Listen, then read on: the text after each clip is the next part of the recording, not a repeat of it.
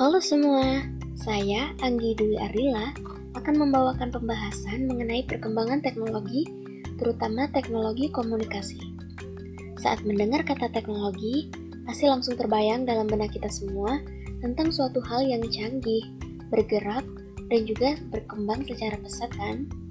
Yap, tentu saja.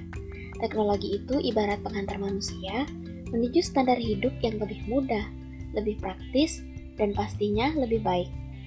Teknologi itu memberikan banyak sekali manfaat dalam setiap aspek kehidupan manusia. Walaupun memang ada berbagai macam jenis teknologi di suatu bidang, misalnya nih, yang akan saya bahas yaitu teknologi komunikasi. Walaupun dibilang teknologi komunikasi, namun nyatanya berdampak pada semua aspek kehidupan manusia, bukan hanya dalam dunia komunikasi saja, melainkan berdampak juga pada aspek sosial, ekonomi, politik, budaya, dan yang lainnya. Untuk lebih mengenal teknologi komunikasi, ada baiknya kita melihat dulu nih sejarah atau perkembangannya sehingga menjadi teknologi sampai saat ini. Kali ini, saya akan membahas perkembangannya secara teoris, di mana sejarah teknologi komunikasi itu sendiri dibagi menjadi empat zaman, yaitu zaman tulisan atau menulis, zaman percetakan, zaman telekomunikasi, dan zaman komunikasi interaktif. Pada zaman pertama, yaitu zaman tulisan yang terjadi pada tahun 4000 sebelum Masehi, menulis digunakan sebagai alat komunikasi untuk menyampaikan ide juga informasi pada suatu media. Adapun media yang digunakan pada zaman dulu berupa tanah liat, batu, dan juga logam. Begitupun tinta yang digunakan untuk menulis itu bisa berupa cairan dari buah, darah, ataupun melalui goresan-goresan. Hal ini bisa kita jumpai dari peradaban bangsa Sumeria.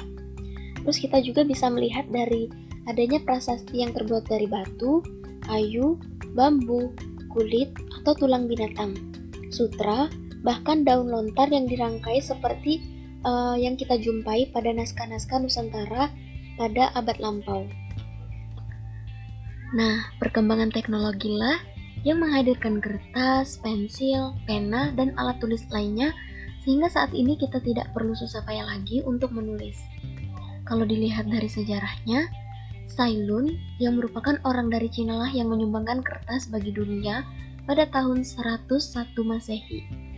Penemuan ini akhirnya menyebar ke Jepang dan Korea, juga menyebar pula ke kawasan orang-orang Arab, Italia, dan India, lalu Eropa khususnya setelah Perang Salib.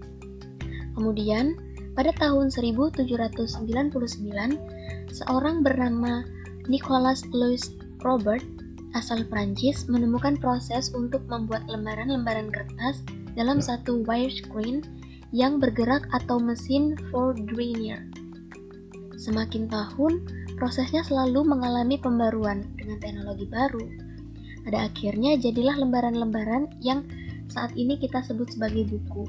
Dan tentu saja uh, buku ini memuat berbagai macam informasi dan pesan di dalamnya. Kemudian seiring dengan perkembangan uh, zaman dan perkembangan dalam bidang dunia informatika, kini dikenal pula istilah e-book atau buku elektronik. Akhirnya, kegiatan menulis pada kertas hingga menjadi buku berkembang pesat sejak diciptakannya teknik percetakan, yang menyebabkan orang makin giat untuk menulis karena karya mereka pada saat itu sangat mudah untuk diterbitkan. Kemudian ada zaman kedua, yaitu zaman percetakan yang dimulai pada tahun 1440 Masehi.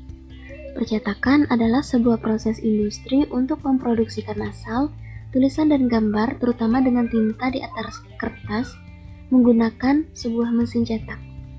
Kalau dilihat dari sejarahnya, teknik cetak pertama kali yang dikenal dimulai dari kota Mainz, Jerman pada tahun 1440 yang merupakan sentra kerajinan uang logam pada saat itu.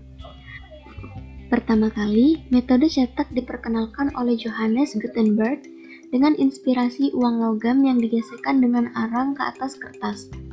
Lalu, percetakan juga dikenal dalam media massa, yaitu jenis media yang secara khusus didesain untuk mencapai masyarakat yang sangat luas. Salah satu jenis media massa pertama kali adalah koran. Kemudian berkembanglah menjadi majalah, dan hingga saat ini berkembang lagi menjadi bahan bacaan secara online. Yang ketiga adalah zaman telekomunikasi yang dimulai pada tahun 1844 Masehi. Definisinya, telekomunikasi diartikan sebagai teknik pengiriman atau penyampaian informasi dari suatu tempat ke tempat lain. Dalam kaitannya dengan telekomunikasi, bentuk komunikasi jarak jauh dapat dibedakan atas tiga, yaitu komunikasi satu arah atau simplex, komunikasi dua arah atau duplex, dan komunikasi semi dua arah atau half duplex. Dalam komunikasi satu arah, pengirim dan penerima informasi tidak dapat menjalin komunikasi yang berkesinambungan melalui media yang sama.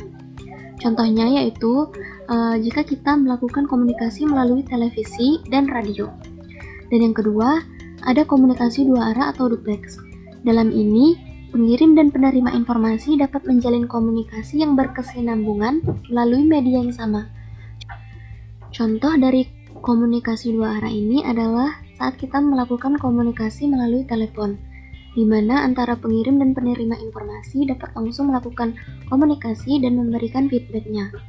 Dan yang ketiga adalah komunikasi semi dua arah atau half duplex di mana pengirim dan penerima informasi berkomunikasi secara bergantian, namun tetap memiliki kesinambungan.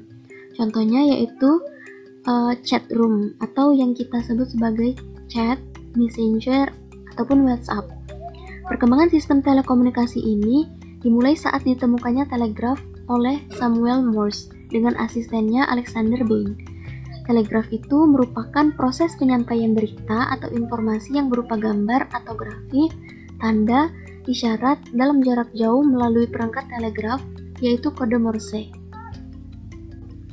Kemudian muncul telegraf elektrik yang berkembang dengan digunakannya tegangan listrik. Terus ada lagi media telekomunikasi yang kedua yaitu radio yang ditemukan oleh Guglielmo Marconi. Radio adalah teknologi yang digunakan untuk pengiriman sinyal dengan cara modulasi dan radiasi elektromagnetik atau menggunakan gelombang elektromagnetik. Gelombang ini melintas dan merambat melalui udara dan bisa juga merambat lewat ruang angkasa yang hampa akan udara. Kemudian muncul pula media yang bernama telepon oleh Antonio Meucci, yaitu alat telekomunikasi yang dapat mengirimkan pembicaraan melalui sinyal listrik. Umumnya penemu telepon adalah Alexander Graham Bell dengan telepon pertama yang dibuatnya di Boston pada tahun 1876. Tapi penemu Italia Antonio Meucci telah menciptakan telepon pada tahun 1849 dan pada September 2001 Meucci dengan resmi diterima sebagai pencipta telepon oleh Kongres Amerika dan bukan Alexander Graham Bell. Dari telepon dibuat lagi teknologi televisi, yaitu perpaduan dari teknologi yang memanfaatkan suara namun ditambahkan siaran bergambar. Selanjutnya, ada telepon genggam atau sering disebut sebagai handphone dan telepon seluler. Keunggulan dari perkembangan alat telekomunikasi ini adalah sifatnya yang mudah untuk dibawa ke mana-mana. Kita tahu sendiri bahwa telepon itu sangat mudah untuk kita bawa dan uh, kapan pun kita membutuhkannya itu ada di genggaman kita. Selain itu, handphone dikembangkan dengan berbagai macam fitur, termasuk teknologi sebelumnya. Seperti di dalam uh, handphone itu sudah ada radio, televisi, dan yang lainnya. Dan yang terakhir adalah telepon pintar atau smartphone, yaitu telepon genggam tapi mempunyai kemampuan yang lebih lagi, sehingga dapat pula berfungsi layaknya komputer namun berada dalam genggaman kita. Lanjut ke zaman terakhir yaitu zaman komunikasi interaktif yang dimulai pada tahun 1946 Masehi. Pada zaman ini proses komunikasi dilakukan dengan lebih maju lagi, yaitu dapat menerima respon atau feedback sehingga komunikasi dapat berjalan secara interaktif dan efektif. Adapun media yang digunakan pertama kali dalam uh, zaman komunikasi interaktif ini adalah komputer. Penggunaan komputer memang awalnya digunakan untuk memperhitungkan tabel ilmu balistik untuk persenjataan pada perang.